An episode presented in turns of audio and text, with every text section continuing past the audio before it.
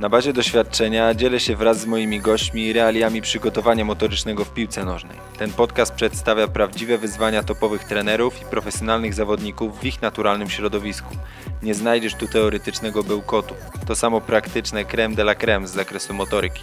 Nazywam się Michał Kwietniewski i zapraszam do wysłuchania podcastu Motoryka w piłce nożnej z zakulis.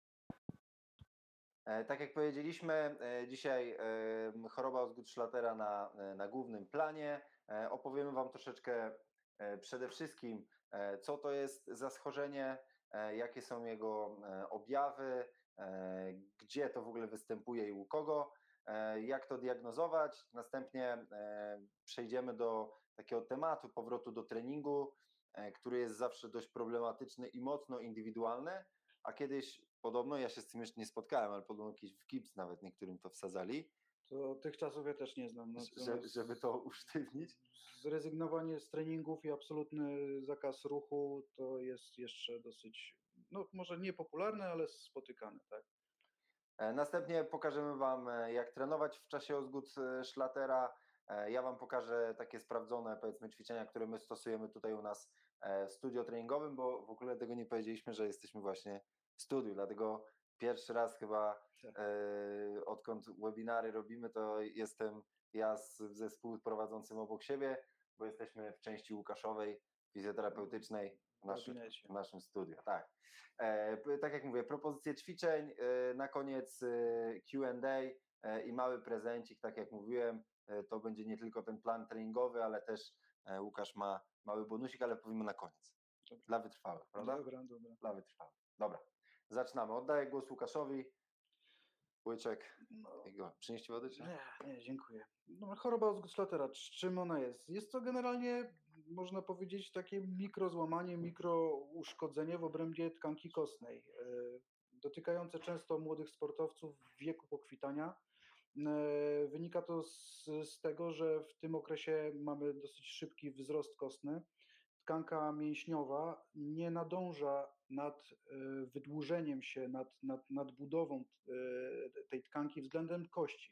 I tak naprawdę w momencie, kiedy kość się wydłuża, mięsień, główny, głównie mięsień czworogłowy, mięsień prosty uda, ale też inne mięśnie, które okalają tak jakby rzepkę i e, mają przyczep końcowy na guzowatości piszczeli, zaczynają pociągać za nią i de facto nadrywać, uszkadzać samą bezpośrednio tkankę kostną.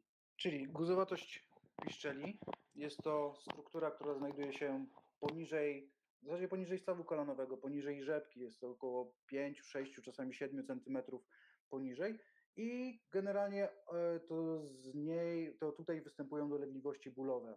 Objawy to zazwyczaj obrzęk, e, często takie uwypuklenie się więc e, wręcz. Może występować zaczerwienienie, ból w- przy, przy, przy, dotyku, przy dotyku, przy palpacji. No i y, problemy z samym poruszaniem się, często ze zginaniem kolana, w zależności od tego, jaki to jest stopień uszkodzenia e, guzowatości. Częściej u chłopców niż u dziewczyn, a wydaje się, to, że jest to spowodowane przede wszystkim tym, że chłopcy są bardziej aktywni fizycznie.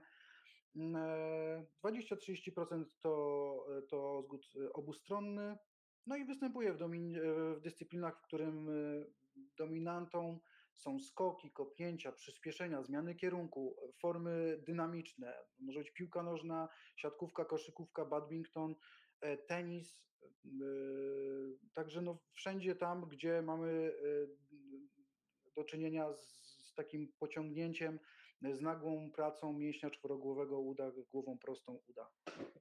Także tak to wygląda, jeżeli chodzi o, o to, jak wygląda Osgood-Schlatter i, i czynniki ryzyka.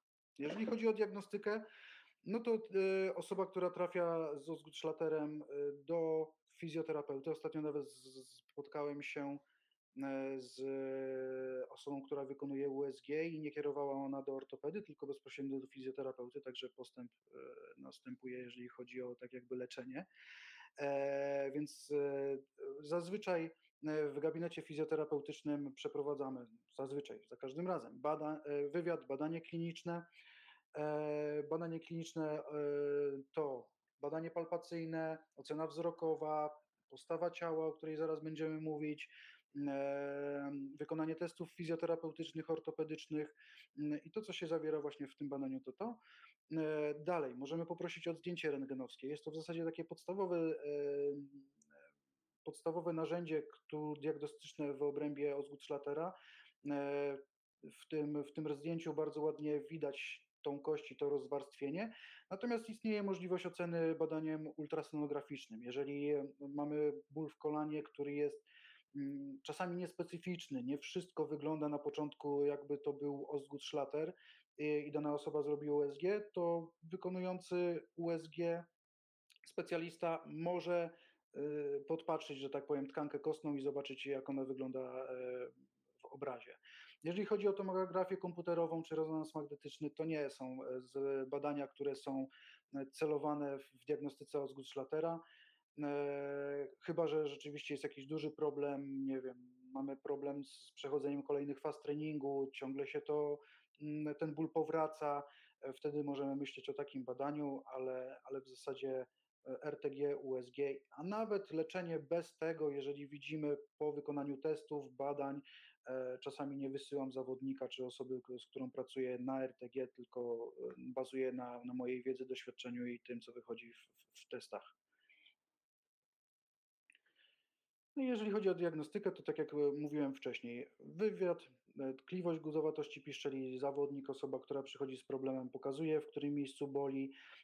Ten ból raczej w 99% to jest ból na guzowatości, czyli na tej właśnie, którą kostce wystającej na piszczeli poniżej rzepki. Nie jest to ból stricte pod samą rzepką, tam gdzie jest miękko. To musi być na kości e, bo możemy to różnicować z kolanem skoczka, czy z jakimś, e, nie wiem, przeci- przeciążeniem stawu kolanowego, z jakimś zapaleniem e, fałdu tłuszczowego, różnymi innymi strukturami.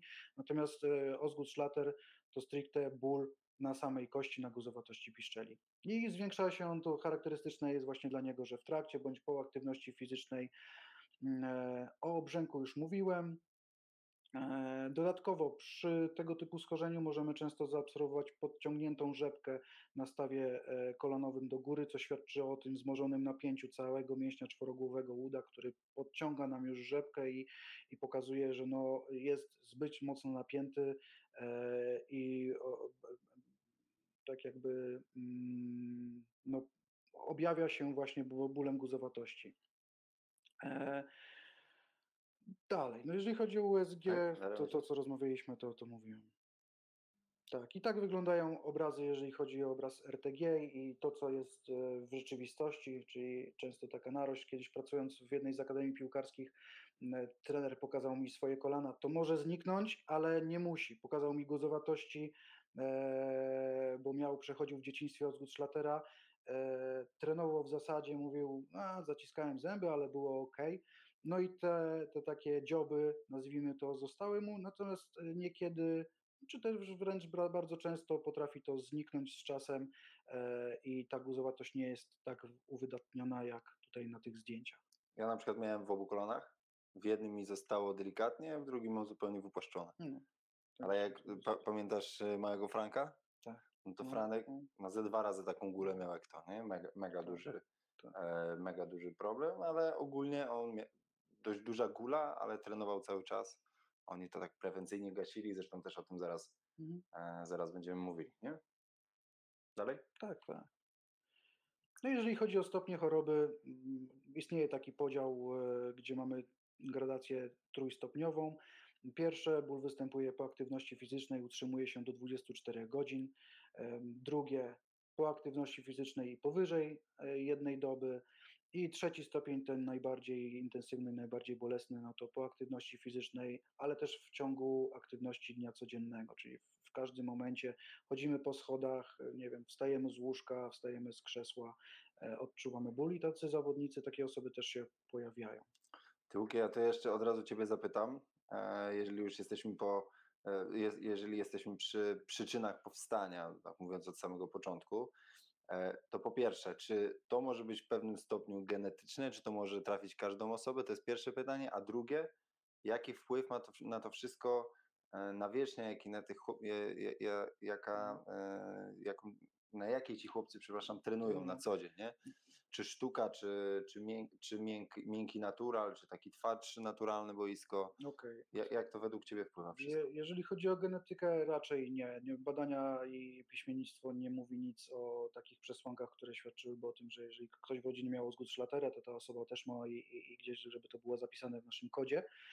Natomiast jeżeli chodzi o y, nawierzchnię, może ona mieć wpływ, może nie bezpośredni, natomiast to, jak pracuje nasz mięsień czworogłowy, nasz aparat kończyny dolnej, e, jak mocno napina się, jak bardzo twarde podłoże jest, na którym lądujemy i ta amortyzacja stawu kolanowego i kontrola prze, poprzez te mięśnie e, może wpływać na, na powstawanie e, problemu z guzowatością. No generalnie mówi się o tym, że naj, najfajniej jest trenować na tym w przypadku piłki nożnej, no to na tym naturalnym boisku. Ono sprzyja jak najmniejszej występowaniu kontuzji obrębie w zasadzie każdego stawu, w, bo mamy tam i lekką amortyzację, e, i lekki poślizg, także oczywiście no, dobrze przygotowanej, nie, nie kartoflisku, ale, ale, ale Ja na przykład spotkałem się z takim, e, z taką hipotezą, nie wiem czy potwierdzoną czy nie, że e, choroba, która jest drugim takim jakby co, co do popularności, czyli Haglunda severa, Mhm. e, ma właśnie silny związek też e, z, e, z. Aha, z- Czyli e, jeżeli dziecko powiedzmy za młodu e, nabiera gdzieś tam n- nabiera jakiejś dysfunkcji w obrębie stopy, to może prowadzić albo do choroby e, Haglunda severa, czyli na przykład, nie wiem, nadmiernie się stopa wypłaszcza, albo gdzieś tam się e, zaczyna koślawić jakoś sztucznie, no zmienia się generalnie biomechanika stopy, to może to prowadzić e, albo do choroby Haglunda severa, lub ta choroba, która nie jest uwidoczniona, e, Haglunda, e, prowadzi do tego, że ta bolesność idzie piętro wyżej i jako pierwsza bolesność pojawia się dopiero choroba Osgood-Schlattera. Mm, to, znaczy, to, Przez, przez błędną mechanikę stopy. Znaczy, jeżeli chodzi o ustawienie stopy, jak najbardziej może mieć to wpływ na, na powstanie. Em, Może nie stricte taki bezpośredni, zazwyczaj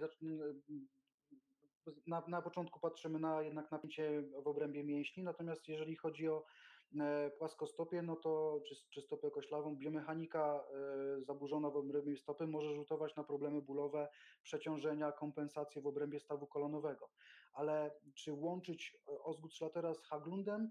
Mm, To są dwie jednostki, które dalej są martwicami, e, dalej e, wynikają z przeciążeń e, młodego organizmu, dalej wynikają z wydłużenia się kości i problemu z wydłużeniem się mięśnia, zbyt dużym e, no, napięciem jego i pociąganiem za, za przyczep, e, ale nie szedłbym chyba tą ścieżką, że jest to tak, że jak mamy Osguda, to będziemy mieli Haglunda, albo jak mamy Haglunda, to będziemy mieli Osguda. Nie zawsze się to pokrywa, zawsze natomiast, e, czy prawie zawsze występuje no, problem z z elastycznością, z elastycznością mięśnia, e, czy to w obrębie łydki, trójgłowego łydki, rozciągna podeszwowego, całego aparatu stopy, jak i z, z, z czworogłowym uda. Ale płaskostopie może mieć wpływ na przeciążenia kolana, które potem może objawiać się ozgudem. Tak? Gdzieś musimy to kompensować, y, y, zaczynamy kombinować, mięsień zaczyna inaczej pracować i też może pociągać za, za guzowatość. Ja na przykład teraz sobie tak próbuję sięgać pamięcią zawodników, z którymi pracowałem no, w jakiejś nie, niedalekiej przeszłości, e, którym dokuczała, dokuczała choroba Osguda Schlatera e, w jakimś tam stopniu. E, to chyba wszystkich ich właśnie łączyło to, że mieli e, wypłaszczoną stopę. Nie? Zazwyczaj ogólnie Piśmiennictwo mówi o tym, że piłkarze tak, że mają ten problem też, ale jak rzeczywiście to się diagnozujemy, jak e, przychodzi pacjent do mnie z problemem mózgu Schrottera, kiedy ja go badam, to oczywiście sprawdzam jego całą postawę ciała, to nie jest tylko stricte sprawdzanie długości mięśnia czworogłowego uda, o, mamy postawę ciała. To jest e, pierwsze, co możemy zaobserwować, no to nawet takie wychylenie e, osoby badanej w, bokiem, e, stojącej bokiem do nas w płaszczyźnie strzałkowej, Czyli on ten się pierwszy, pochyla- pierwszy po tak. lewej obrazek. pochyla się do przodu, widać, że tak jakby mięśnie ciągną go do przodu, mamy pion przez jego postawę, e, przez jego ciało, przez jego postawę, no i nie przechodzi on idealnie, a powinien przechodzić przez ucho, środek głowy, ucho, bark i tak dalej, środek biodra. Także widzimy, że ciągnie go ta siła do przodu. W przypadku drugiego zdjęcia tego tutaj chłopca w niebieskich spodenkach z zegarkiem, No, on nie ćwiczył w studiu, to widać. Nie? no, no nie, ale to, Ale tacy, tacy zaczynają powoli też zaglądać, Tacy- tutaj tak, ale to wtedy wychodzą już inaczej. Tak, tak. E, Także widać u niego tak samo. Przodopochylenie miednicy to jest pierwsza taka rzecz, która, która może nam mówić o tym, że mamy problem z nierównowagą mięśniową w obrębie e, ciała i te mięśnie z przodu zaczynają ciągnąć, ściągać miednicę do przodu.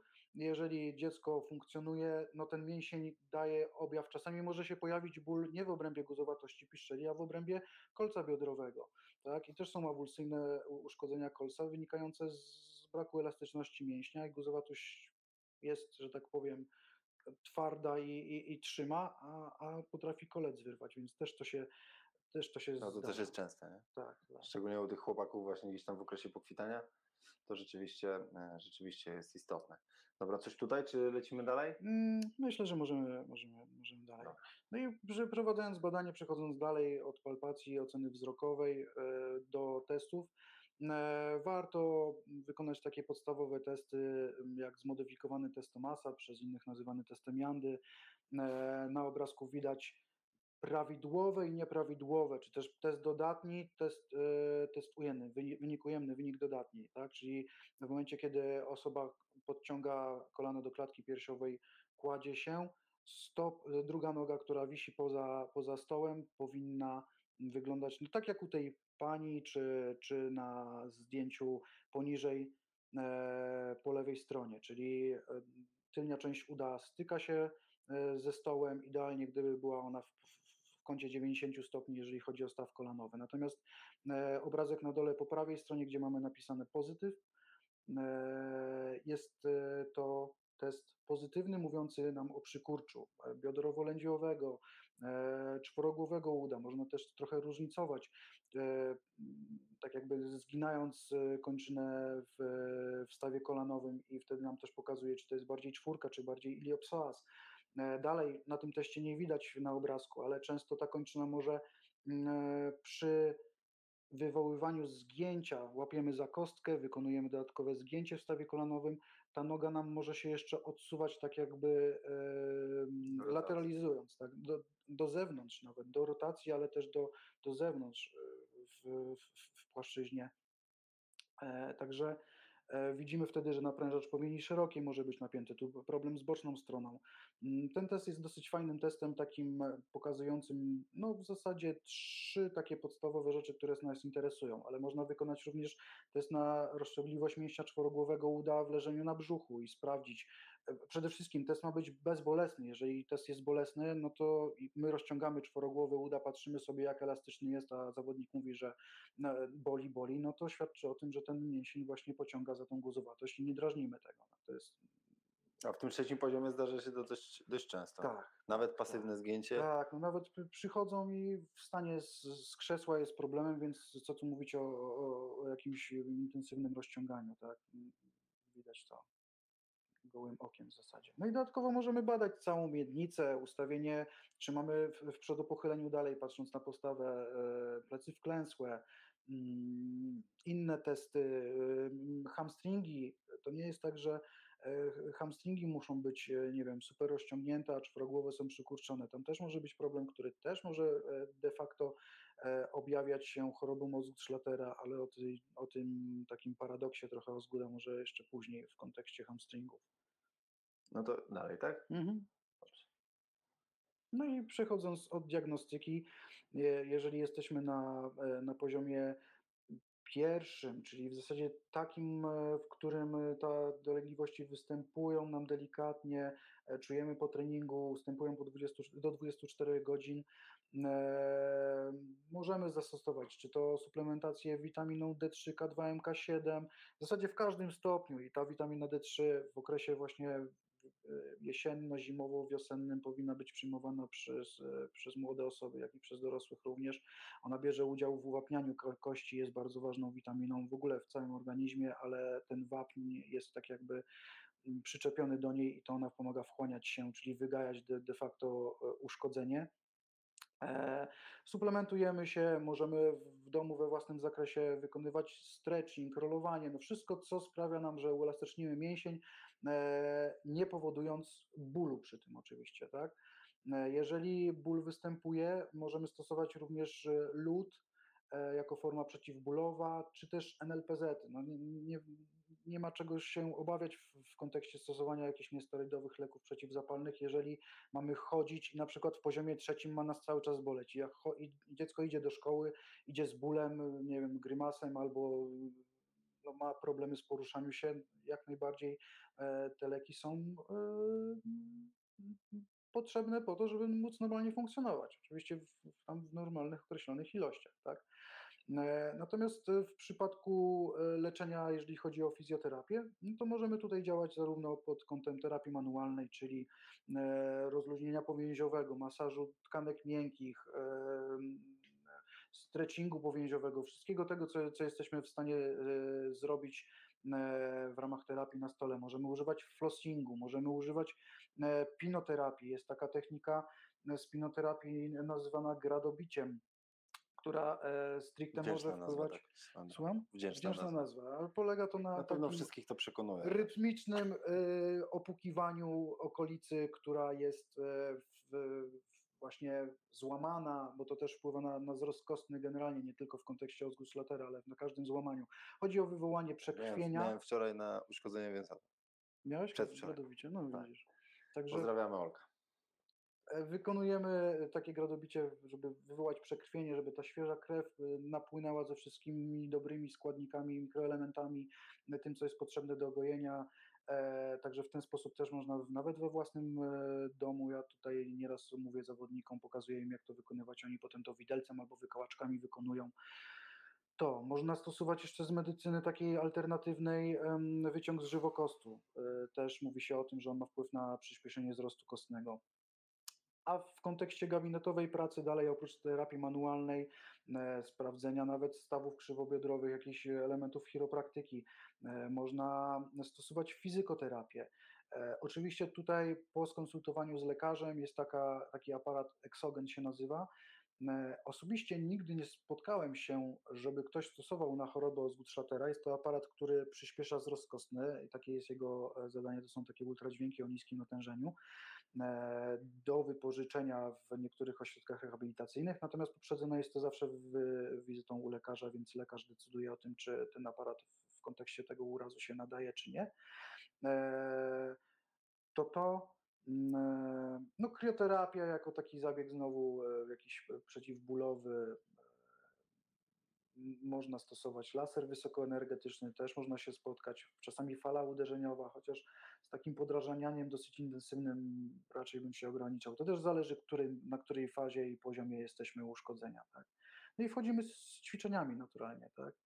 Także no co, zaczynamy od, o- o- od ćwiczeń, które angażują bardziej antagonistów e, niż ich grupę obciążoną, czyli tylnią grupę, ale o tym pewnie więcej Michał będzie mówił. Skupiamy się na innych elementach, które możemy już w tym momencie wspierać, nie podrażniając tej guzowatości.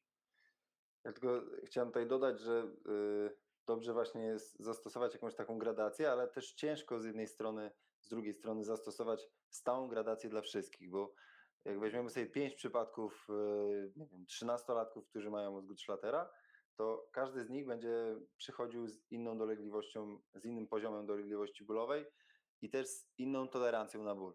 Tak, No, tak, skala Was jest subiektywną oceną e, bólu, więc Nie dla- powiedzieliśmy chyba o skali za was, chwilkę no. przejdziemy, tak? Ale dla mnie trójka to będzie co innego dla ciebie i co innego jeszcze dla Bartka, czy tam, e, czy tam dla, kogoś, e, dla kogoś jeszcze. Dlatego e, nie jest powiedziane, że z niektórymi nie będziemy mogli sobie pozwolić na ćwiczenie A, a, a z tymi będziemy mogli sobie pozwolić. My tutaj przedstawiliśmy taką prostą gradację, czyli e, od co jakby możemy zacząć e, zupełnie nie angażując powiedzmy układu ruchu, czyli właśnie działania fizykoterapeutyczne, e, suplementacja czy, czy jakieś chłodzenie tego miejsca, następnie właśnie ten trening nieinwazyjny w jakiejś tam małej skali bólu, żeby, żeby, tak jak Łukasz powiedział, rozruszać inne sektory ciała i pracować naokoło kontuzji, a następnie przejść do tych form biegowych od niskich do wyższych prędkości.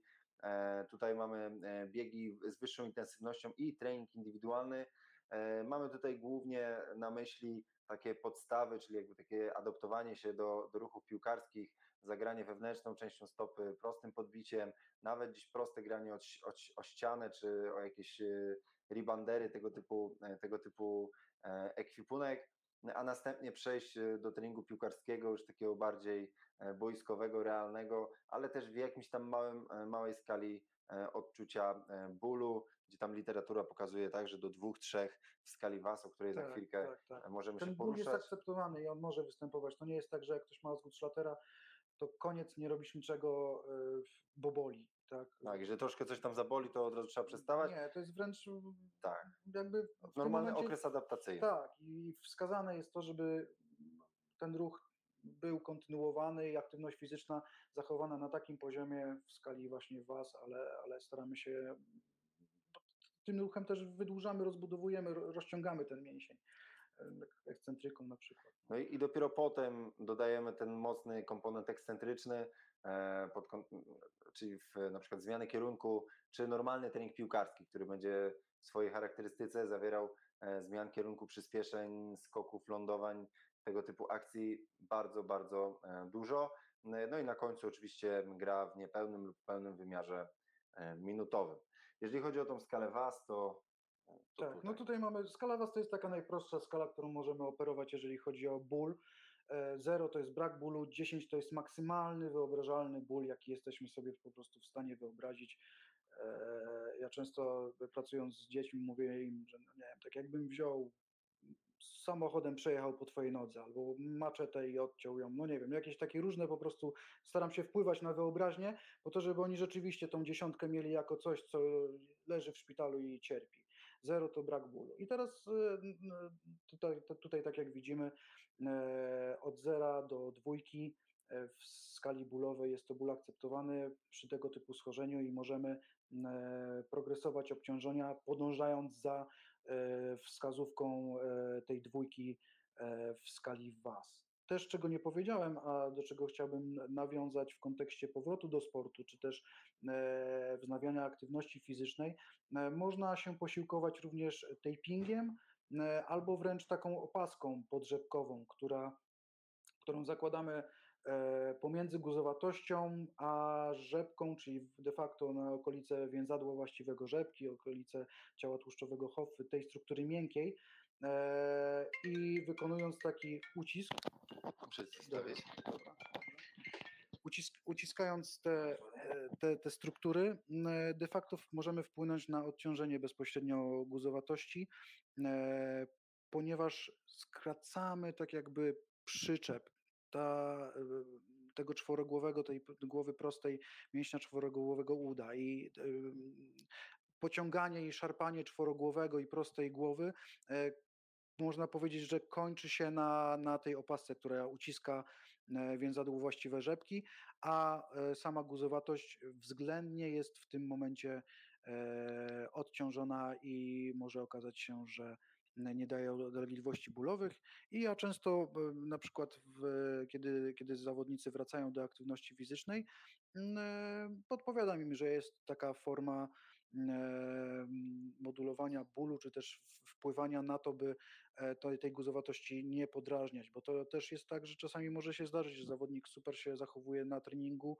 m, e, przeprowadziliśmy m, pełen protokół, e, wraca na boisko i na przykład po dwóch miesiącach, miesiącu e, choroba znowu e, nawraca, tak? Wynika z tego, że on dalej jest w fazie wzrostu, te kości dalej się wydłużają, no i albo nie stosował się do zaleceń, albo rzeczywiście no, jego skok e, wzrostowy jest na tyle intensywny, że ten mięsień znowu, mimo tego, że był uelastyczniony, zaczyna pociągać za tą, za tą e, guzowatość. I po prawej widzimy taką drabinkę progresji, jeżeli chodzi o no, rehabilitację, o powrót do, do sportu. Zaczynamy od, e, w zasadzie w kontekście rehabilitacji zaczynamy od izometrii, e, często takie ćwiczenie jak siedzenie na krześle naprzeciwko ściany i pchanie czubkiem buta w ścianę może już, znaczy często, zależy w jakim stopniu, ale może już wywoływać dolegliwości bólowe, czy nawet e, napięcie izometryczne czasami może wywołać dolegliwości bólowe, ale często się zdarza że też, że osoby przychodzą i w badaniu fizjoterapeutycznym e, na przykład e, proszę o wykonanie e, przysiadu e, przysiad jest e, bezbolesny, wykonanie skoku, skok jest bolesny. Mm, e, W przypadku wykonywania przysiadu też możemy od razu ocenić, w jaki sposób biomechanicznie e, ten zawodnik go wykonuje, czy prawidłowo obciąża ten staw. Także, także tak. Dobra, sorry, musiałem zniknąć na chwilę, mam małą awarię, ale damy radę. Okej, okay. powiedziałeś wszystko, przepraszam? Powiedziałem wszystko. Pewnie pytania będą jak coś. E, O tym mówiłeś? Nie, tego nie mówiłem. Y, To jest tylko taka wstawka, żebyśmy pamiętali o tym, że ten trening i e, proces e, rehabilitacji, treningu, powrotu do sprawności powinien być stopniowy i powinniśmy się trzymać tej skali dwójki, a nie skakać z obciążeniami, e, gdzie ten slajd po lewej stronie i ten obrazek po jednej stronie, lewej stronie pokazuje te góry, dołki, góry, dołki, czyli wchodzimy wysoko, za wysoko, musimy zejść z obciążeń. Wchodzimy za wysoko, schodzimy z obciążeń. Lepszy jest ten progres po, po prawej stronie, tak? Jeżeli chodzi o obciążenia. Dobra, słuchajcie, więc teraz e, szybciutko, szybciutko w jaki sposób możemy trenować w czasie odguslatera. No więc jak wiadomo, e, właściwie w większości przypadków m, warto zacząć od tego, że wyłączamy ruchy pchania na dolną kończynę, e, czyli powiedzmy wszystkie ćwiczenia, które angażują zgięcie i wyprost kolana w tej formie takiej dociążonej, e, czyli przysiady, wykroki, wyskoki, naskoki, e, wstępowania na podest i tak dalej, przysiady jednonóżne. Więc szereg tych ćwiczeń, które przez wiele osób z nas są, e, z- nas trenerów e, używane no i oczywiście mają szereg e, korzystnych, korzystnych e, skutków dla, dla zawodników. Natomiast e, oprócz tego, jak tutaj specjalnie wrzuciłem takie ciało, e, żebyśmy widzieli, jak dużo jeszcze elementów jest do opracowania. Pierwszym z nich oczywiście e, pośladek i tu możemy nawiązać do całej e, tylnej taśmy, bo to chyba jest następny slajd, tylna taśma. Hamstringi, tak. Hamstringi, pośladki. E, Po pierwsze, jest to istotny, istotny rejon ciała z uwagi na budowanie e, i generowanie siły i mocy, e, odpowiedniej postury, e, tempa i rytmizacji biegu. No i też w piłce nożnej należy pamiętać, że zazwyczaj jakieś występują delikatne dysproporcje e, i te dwójki jednak są słabsze niż przód uda. Tak w większości przypadków. Nie mówię, nie mówię w każdym, ale w większości przypadków tak, e, tak jest, że przód uda jest silniejszy, e, ani jeżeli, ani jeżeli jego, jego tył. Dlatego tak często dochodzi do urazów Je- Jeszcze, tył uda i przywodzicieli. jeszcze bym tylko do, dodał fajną rzecz w kontekście pracy z hamstringami i pośladkami. To jest, są antagoniści względem, względem przodu, tak? Tak, Czyli mamy dokładnie. e, czworogłowe uda, które są mocno napięte i chcemy je wydłużyć, e, a de facto czy e, biodrowo-lędźwiowy mięsień, główny zginacz, którego antagonistą jest na przykład pośladkowy wielki. I cała ta grupa tylnia, praca na niej będzie nam de facto wpływać na rozluźnienie przodu. Bo jeżeli tył się skraca i kurczy w pracy, w ćwiczeniach, to przód dostaje impuls do tego, że puść rozluźnij, e, pozwól tyłowi pracować. Tak? De facto bez, bez takiego rozciągania e, bez nawet statycznego, nie? Jak- ingerencji jak w, w jakieś tam rozciąganie czy takie rzeczy. To już może nam wpływać na, na, na proces leczenia. Kolejna rzecz, no to oczywiście cała górna, górna kończyna e, ze szczególnym priorytetem powiedzmy tyłu ciała, czyli wszystkich ruchów przyciągania dla górnej kończyny. Jeżeli mówimy o pracy z młodzieżą i z tymi dzieciakami powiedzmy między tam 11 a 16 rokiem życia, e, no to właśnie ten rejon ciała jest często zaniedbany. E, Wyobraźmy sobie taką sytuację, że e, my tak, za karę chłopcy robią pompki, oni w domu robią pompki i brzuszki, no bo jest po prostu łatwiej ciężej jest zamontować drążek, czy kupić TRX, czy gumę, żeby te ruchy zrównoważyć. I potem e, gdzieś tam idąc dalej, chłopcy są w stanie wyciskać, nie wiem, 80, 90, 100 kg przy wadze, nie wiem, 70, 80 kg, a nie są w stanie się, nie wiem, 10 razy podciągnąć równolegle lub nie są w stanie się, nie wiem, 12 razy podciągnąć na drążku. E, Więc te, ta równowaga sił pomiędzy e, pchaniem a przyciąganiem jest zazwyczaj na korzyść przyciągania, e, na, na korzyść pchania, a powinno być na korzyść przyciągania. Jak to kiedyś Damian Korba powiedział, wszystko, wszystko czego nie widać w lustrze, stojąc frontem, jest dla Twojego zdrowia, wszystko co, wszystko, co widać, jest dla Twojej podświadomości. No i troszeczkę, troszeczkę tak, to, tak to jest. Tak jak powiedziałem, górna kończyna oczywiście też możemy pracować nad uwielbianymi przez zawodnikami, e, uwielbianą przez zawodników klatą, e, e, rozwojem siły ramion. Mm, To jest oczywiście bardzo istotne, e, ale też, tak jak powiedziałem, ta gradacja nie jest użyta tutaj e, bez, bez przypadku. Oczywiście cały trening e, mięśni tułowia, e, które przy odpowiedniej pracy też będą mogły rozluźnić pewnie napięcia e, w, dolnych, w dolnym kwadrancie. Mm, Trening tułowia zarówno pod kątem stabilizacyjnym, jak i pod kątem generowania mocy. Pamiętajmy, że e, trening tułowia to nie tylko robienie podporu bokiem, przodem, tyłem przez ileś tam sekund, mm, ale jest to też e, kontrolowanie ruchu w wielu płaszczyznach, e, generowanie siły rotacyjnej, działanie przeciwko siłom rotacyjnym, przeciwko nadmiernemu przeprostowi, nadmiernemu zgięciu, Mm, więc możemy to tak rozróżnić. My tak na szkoleniach między innymi to pokazujemy, czyli praca w dynamice i praca, e, praca w, w statyce czy w izometrii, e, bo należy pamiętać, że tu służy nam zarówno do utrzymania stabilnej pozycji jako taki filar, ale też generuje moc w wielu ruchach boiskowych, jak na przykład uderzenie piłki e, czy piłki prostym podbiciem czy wewnętrznym podbiciem, jak również nie wiem, oddanie strzału głową i tak dalej. Więc szereg tych rzeczy, rzeczy boiskowych e, jest tutaj też e, zaczerpnięty, czy tam ten silnik jest, jest właśnie w tułobie. Dobra, i teraz słuchajcie, mam taki krótki filmik dla Was. E, Szybko się przełączymy. E, więc e, przedstawiłem kilka, kilka takich ćwiczeń, z których ja bardzo często korzystam e, i ułożyłem je od takich ćwiczeń bardziej pod kątem mobilności, w, takiej, w takim aktywnym wydaniu, e, przez trening dolnej kończyny koru i, i, górnej, i górnej kończyny. Więc e, zaczynając od treningu tułowia, głównie, głównie pod kątem wzmocnienia tylnej taśmy i utrzymania stabilności tułowia. No, oczywiście gdzieś tutaj też ramiona dodatkowo, bo to jest taki, takie ćwiczenie e, powiedzmy całościowe, e, jako wyjeżdżanie, jako wyjeżdżanie na slajderach możemy zastosować to wszędzie. Następnie e, mobilizacja e, tylnej, tylnej taśmy oraz odcinka piersiowego kręgosłupa. Jednocześnie jest to mobilizacja e, tylnej taśmy, ale też wzmacnianie w, w pozycji izometrycznej, która jest według mnie dość zaniedbywana w treningu.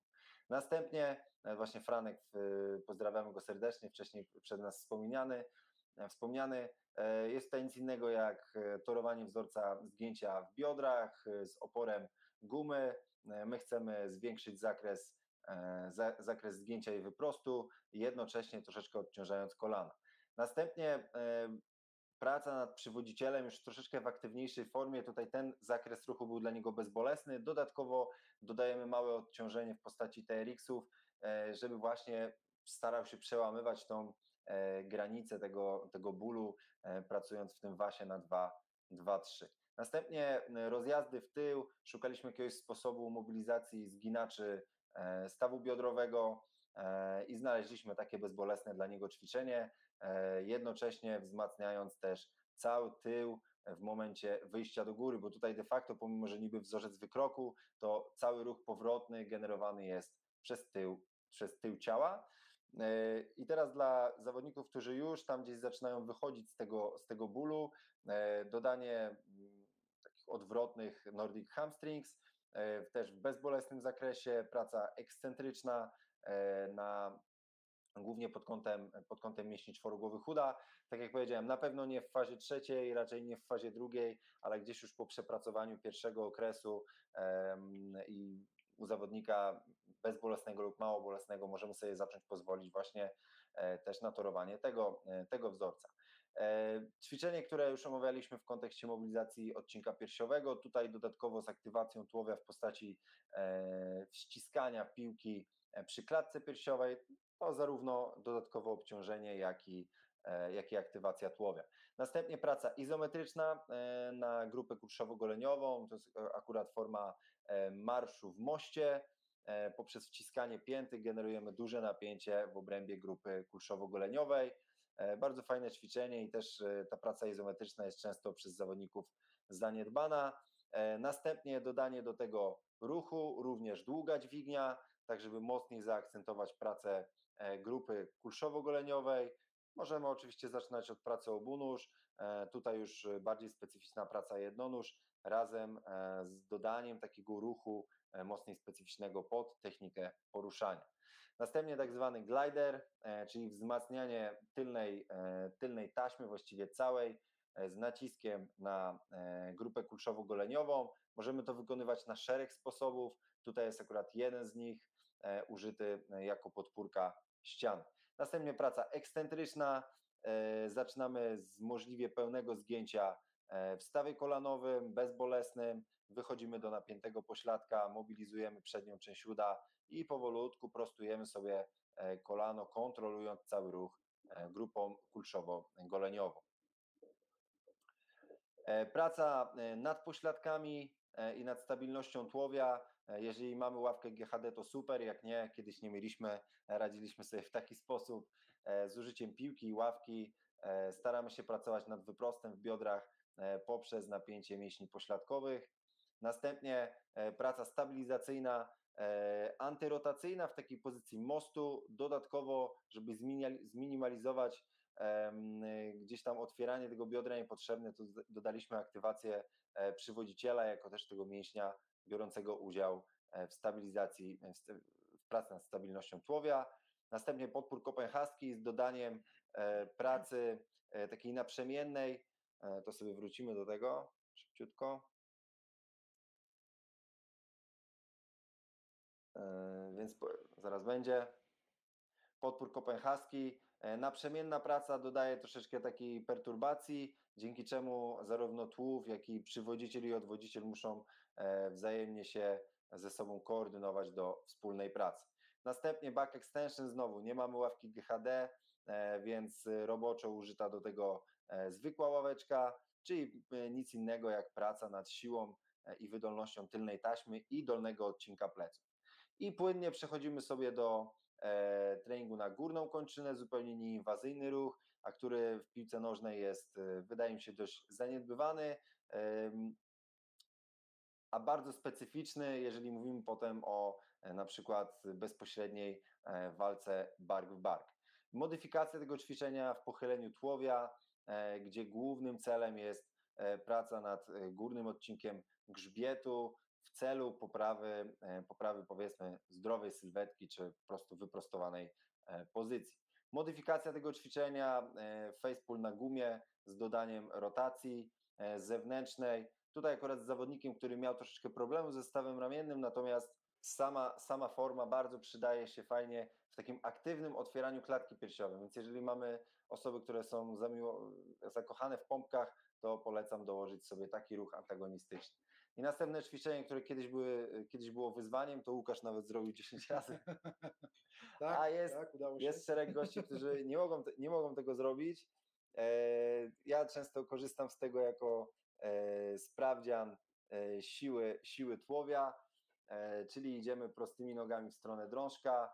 Tutaj akurat bez, bez dotknięcia, może jakiś słabszy dzień, normalnie staram się dotknąć e, stopami, stopami do drążka, żeby wykorzystać siłę całej przedniej taśmy. Jak widzicie, tych ćwiczeń oczywiście to jest tylko e, cząstka.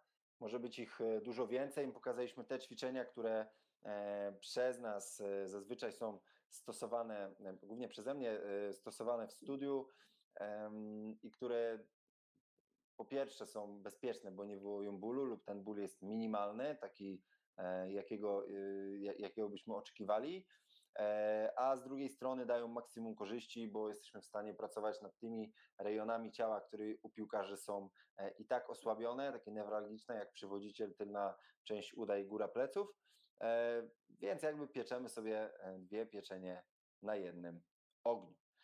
Ok, przejdziemy sobie do najpierw do pytań, potem do Twojego prezentu. Gitara? Dobrze, to jest. I tutaj pytanie do Ciebie, czy występują okresy zaostrzenia bólu oraz remisji? Mogą występować. To tak jak w pewnym momencie powiedziałem, czyli e, może, może być tak, że zawodnik e, w zasadzie e,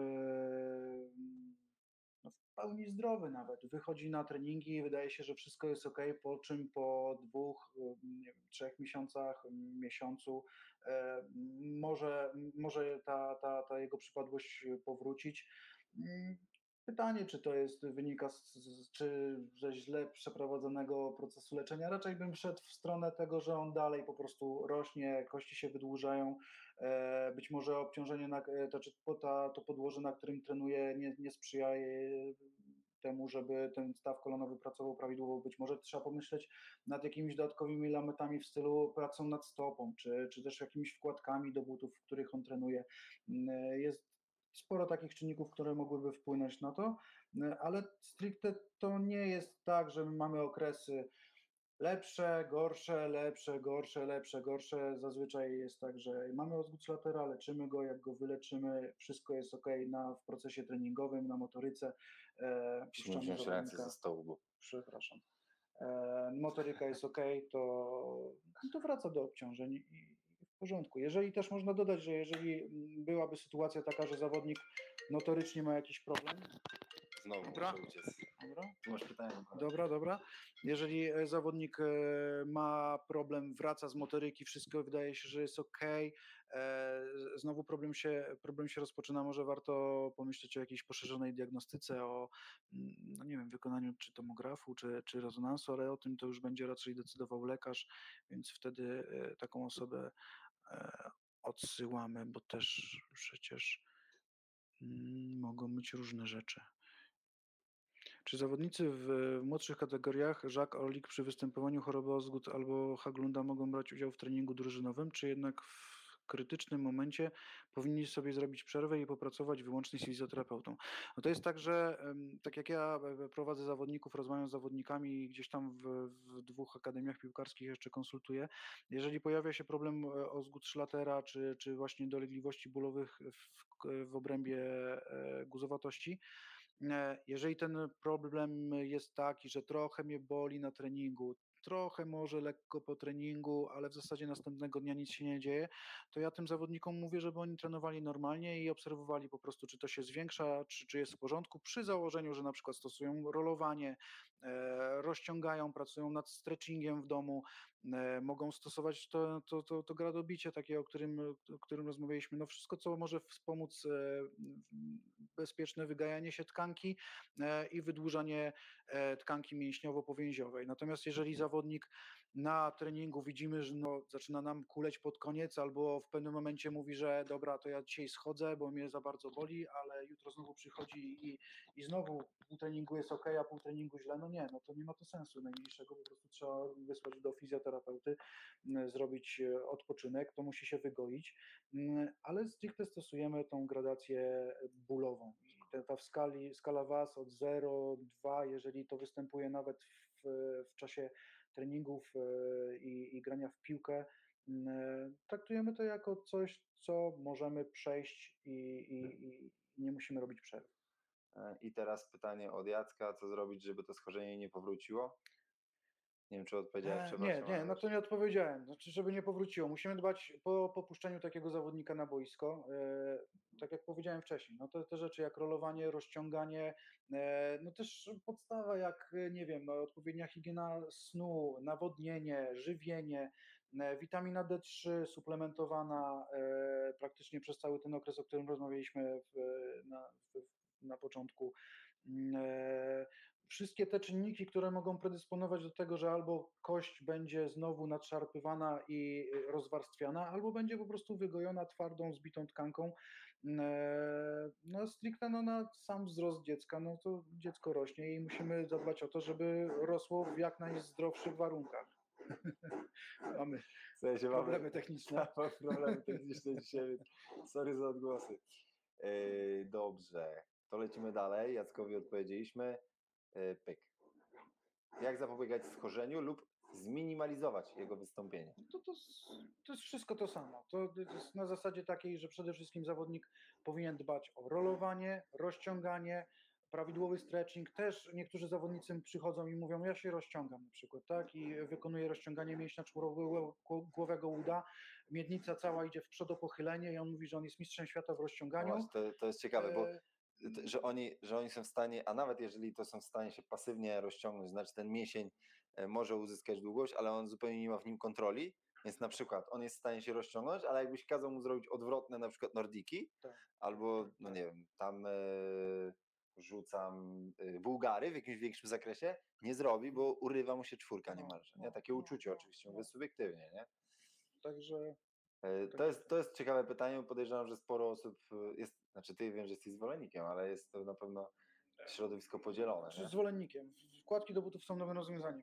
Tak jak powiedziałem, praca ze stopą może mieć wpływ na przeciążenie stawu kolonowego i jeżeli mamy problem ze zgudem i patrzymy na, na zawodnika globalnie, chcielibyśmy zabrać, zadbać o każdy element jego, e, jego zdrowia, widzimy, że stopy płaskokoślawe, no przed, przede wszystkim jest to terapia y, ćwiczeniami, natomiast wspomaganie się wkładkami jak najbardziej jest w porządku rozwiązaniem, tylko też niech to będą już zazwyczaj wkładki y, wyrobione indywidualnie niż takie kupione ze sklepu. Jesteśmy w takich czasach, żyjemy w takich czasach, że y, no jest dosyć sporo placówek, które Zresztą u mnie też można zrobić wkładki, natomiast to nie jest stricte traktowane jako dobra, zrobisz wkładki i cześć, e, rozwiązaliśmy Twój problem, tylko pracujemy ze stopą e, nad tym, żeby... Szczególnie, że to jest e, Trochę, nie wiem, wyprowadź mnie z błędu, ale według mnie zużycie samej wkładki to jest takie trochę rozleniwienie, nie? Tak, To jest, to jest trochę tak jak y, odchudzanie się w tych y, pasach tak, tak, albo w nie, jakichś tam próżniowych Stopa stricte nie pracuje, nie? mięśnie się nie wzmacniają. One po prostu mają rusztowanie, na którym się utrzymują, jeżeli występują e,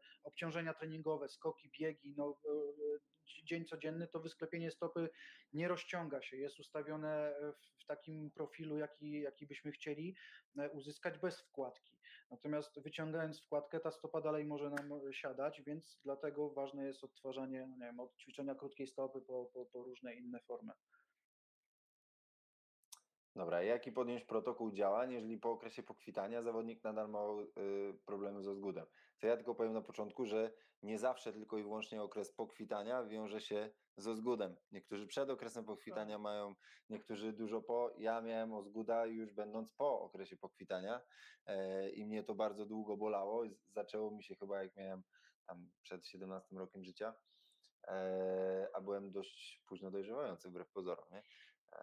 No ale dobra, to odpowiedz. znaczy Protokół jest ten sam jak i w, w normalnym ozgudzie, tak? Czyli dalej stosując się w skali WAS, y, robimy te wszystkie rzeczy, o, o których mówiliśmy i no, nie ma sposobu innego. Kiedyś słyszałem o formie próby zabiegów operacyjnych, ale u dzieci jest to raczej odradzane z racji tego, że mamy tam płytkę wzrostową zaraz obok, e, podrażnienie tkanki kostnej e, zabiegiem operacyjnym mogłoby się wiązać z nierównym rozrostem kości, jedna noga mogłaby być dłuższa od drugiej, więc są to takie raczej ostateczności. Natomiast jeżeli jesteśmy po okresie pokwitania, ewentualnie nie rośniemy, no można, można próbować szukać, ale jest to raczej ostateczność już naprawdę, żeby operacyjnie coś takiego robić. Ja nie miałem nikogo, kto byłby po operacji. Mi się też wydaje, że jeżeli ktoś przepracuje, znaczy nie wydaje mi się, no to widzę po tych naszych chłopakach, że jeżeli ktoś dobrze przepracuje okres ozguda, nie przeleży brzuchem do góry, tylko pracuje z fizjo i wraca w taki sposób,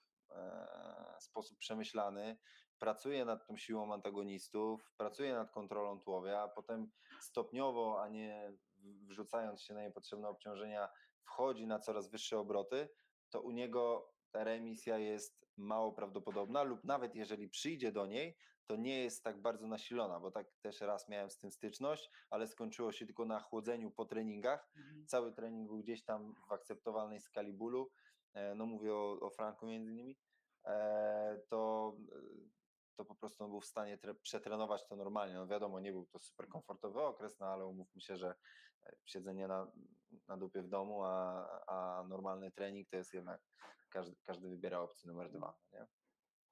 E, Dobrze. Jeżeli chodzi o połączenie, y, połączenie wpływu obuwia, to też troszkę o tym, o tym mówiliśmy, nie? że to jest tak trochę jak z boiskiem, No tak. że fajnie byłoby trenować na miękkiej, naturalnej, natomiast jest tak wiele sztucznych boisk na całym świecie, że niekoniecznie musimy uznawać to za e, jakiś e, główny przyczynek do tego, że, e, że te dolegliwości bólowe występują, choć z, spotkałem się z taką statystyką, że w momencie, e, od momentu pojawienia się orlików ilość e, ozgódów wzrosła, ale ja to zawsze sobie tłumaczę troszkę tym, że diagnostyka też jest dokładniejsza. Tak, ale Jak ja byłem młody, to ja nie wiedziałem, że mam ozguda. No ja to się dowiedziałem, jak często, na studiach byłem bardzo, dopiero. Bardzo często. To co ciekawe, chciałem powiedzieć odnośnie e, sztucznych muraw, mi się tak przypomniało, kiedyś jak e, pracowałem jeszcze w akademii, w której e, dyrektorem był Hiszpan z Barcelony, on w rozmowie zdziwiony był w ogóle, on nie znał tej choroby, nie znał tej dolegliwości. On powiedział, że w Hiszpanii, w Hiszpanii e, nie wiem, na ile to była prawda, nieprawda, zac- zacząłem z nim rozmawiać, nie wiem, czy wpływ słońca, syntetyzacja witaminy D3, czy to mogłoby mieć wpływ na to, że tam jednak są słońce, więc e, ten wapń dostarczony z tą witaminą może mieć jakiś, jakikolwiek wpływ na to, że tam ta ilość ozgódów jest mniejsza. Może, może miał do czynienia z takimi osobami, ale autentycznie przypomniała mi się taka rozmowa, gdzie on powiedział, a w Hiszpanii to u nas nie ma. A może, nie wiem, lekceważył zawodnika. Nie wiem. Dobra, lecimy dalej. Bartek pyta, czy zdarzały e, się Wam przypadki z oderwaniem guzowatości? E, o jakie ewentualne postępowania w takim, e, w takim przypadku? Czyli takie awulsylne złamanie mówiąc, guzowatości to ja nie, ale w drugą stronę tak, czyli kolca biodrowego już Kolca tak. biodrowego, tak. Dość często. Guzowatości nie. Generalnie ja nie spotkałem się z takim zawodnikiem, natomiast zakładam, że tam jest albo e, orteza, albo jakieś usztywnienie, żeby ta guzowatość nie była podciągana. E, No i ona po prostu musi się zrosnąć z kością. E, Okej, jest pytanie od Tomka, jest dość rozbudowane, więc tak, wpływ latera na, na dalsze kontuzje w przypadku bagatelizowania dolegliwości bólowych i normalnej pracy. Zawodnik pomimo bólu dalej biega, a jego e, bieg to takie kuśtykanie. Czy w niedalekiej przy, przyszłości może to mieć wpływ na poważniejszy uraz? Czy moim zdaniem w ogóle nie powinien biegać, jeżeli... Dokładnie, dokładnie. To jest, To tak jakbyśmy mieli, no nie, no, nie wiem, no, no każda Nie, kontuzja no bo- i, i gramy z kontuzją, no, no, no nie. bo No. to jest prosty, prosty schemat. Ciało zawsze będzie szło w, w ilość, a nie, a nie w jakość i dzięki temu, że e, umożliwia nam dalsze chodzenie, znaczy dzięki temu, że kuśtykamy, to ciało umożliwia nam e, dalsze chodzenie i tak jest w wielu, w wielu przypadkach. E, To jest zachowanie jakichś tam takich pierwotnych czynności, które musimy, które musimy zrobić. No ale też ból taki silny jest e, dla nas, powinien być jakąś informacją ograniczającą. Dlatego ta skala WAS.